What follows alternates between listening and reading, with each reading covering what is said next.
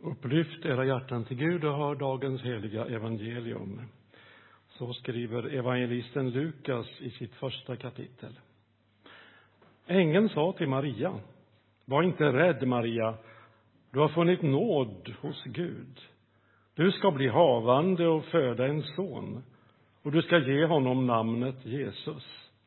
Han ska bli stor och kallas den Högstes son.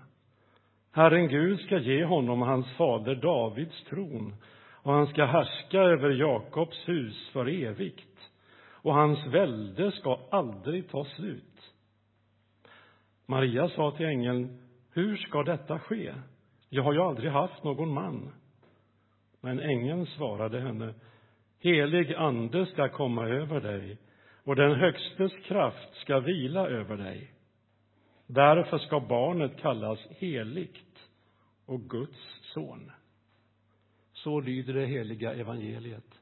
Lovad vare du, Kristus. Blame the mother syndrome talas det om ibland i populärpsykologiska kretsar. Det handlar om att folk med känslomässiga störningar och psykologiska problem ibland har en tendens att skylla på mamma. Det är mammas fel. Det handlar om hur hon behandlade mig i barndomen. Och det handlar om hur hon försöker kontrollera mig också när jag är vuxen. Jag har i flera enskilda samtal nu i höst, inte minst som jourhavande präst inom telefonsjälavården, påminns om det här syndromet att skylla på mamma. Och i mina ögon så har det oftast låtit rimligt.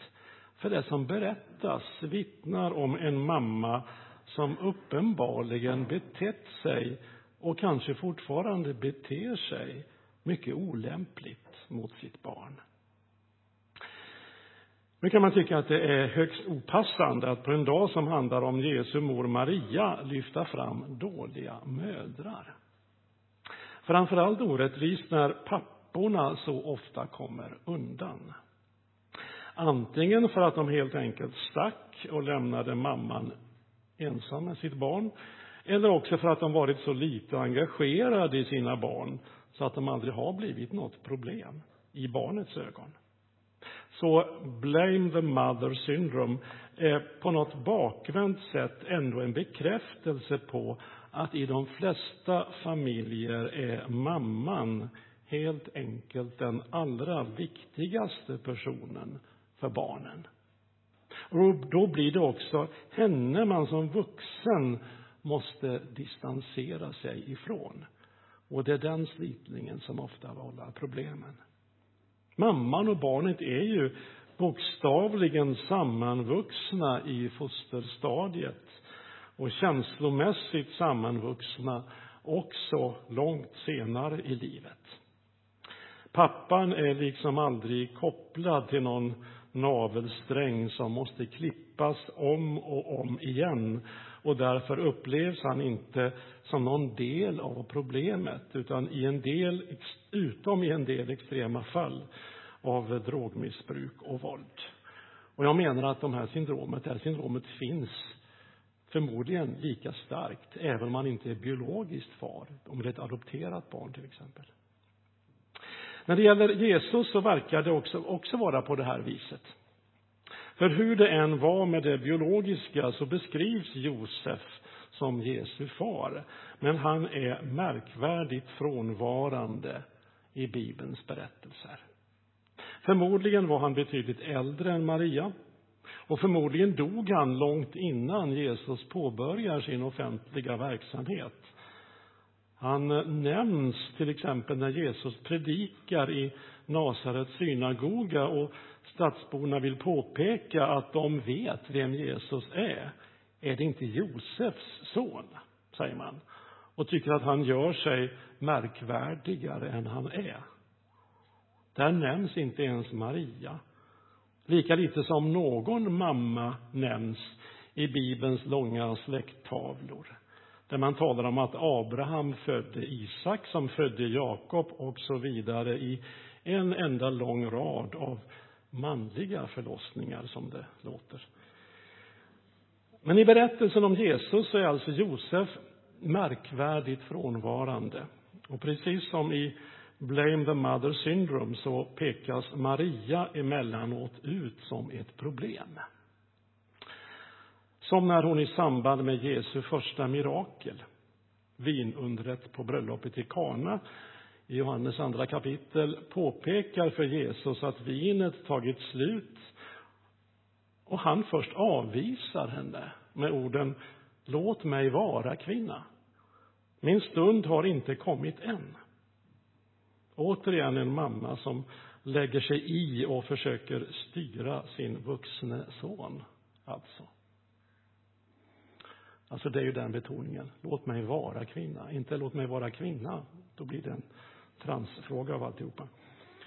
Eh, men också då, som i Markus evangeliets tredje kapitel, alldeles i början av Jesu offentliga verksamhet, också det, när det verkar som att Jesu bröder, anförda av sin mamma, kommer och vill tvångsomhänderta Jesus. Så här skriver Markus. Hans anhöriga fick höra det och gav sig iväg för att ta hand om honom. De menade att han var från sina sinnen. Den gången verkar Jesus ta avstånd från hela sin familj när han säger Vem är min mor och mina bröder? Han såg på dem som satt runt omkring honom och sa Det här är min mor och mina bröder.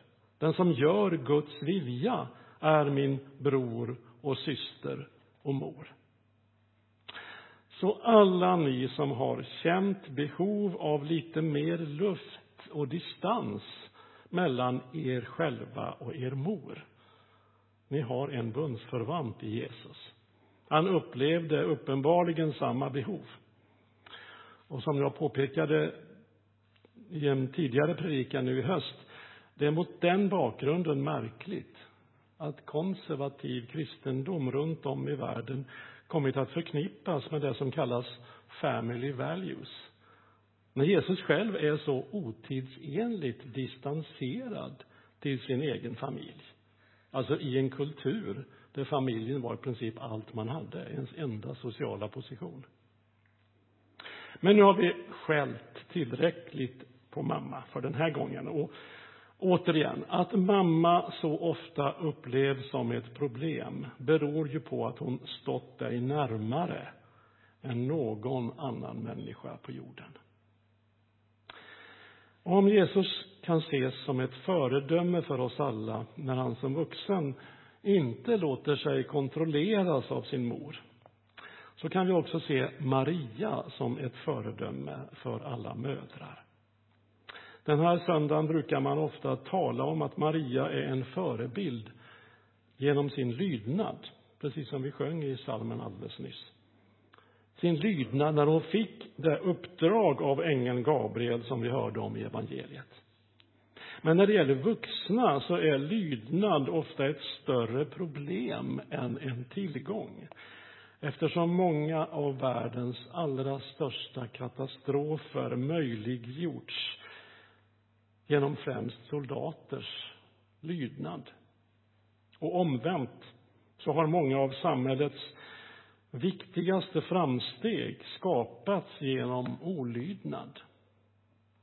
Som när Rosa Parks den 1 december 1955 vägrade flytta sig i bussen för en vit man i rasåtskillnadens USA.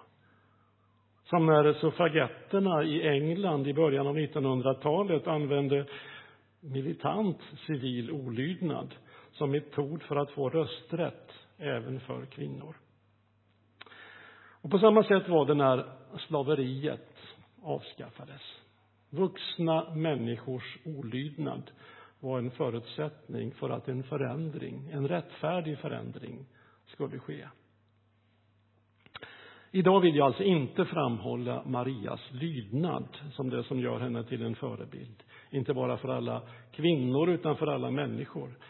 Istället vill jag hos henne lyfta fram det som är en förälders allra viktigaste egenskap, nämligen uthållighet.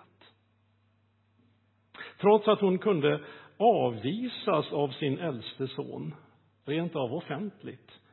Trots att, hon med sin, trots att han med sin upproriska rörelse och sina anspråk på att vara Messias betedde sig på ett sätt som stred mot vad hon hade hoppats på, så upphörde aldrig hennes omsorg om honom.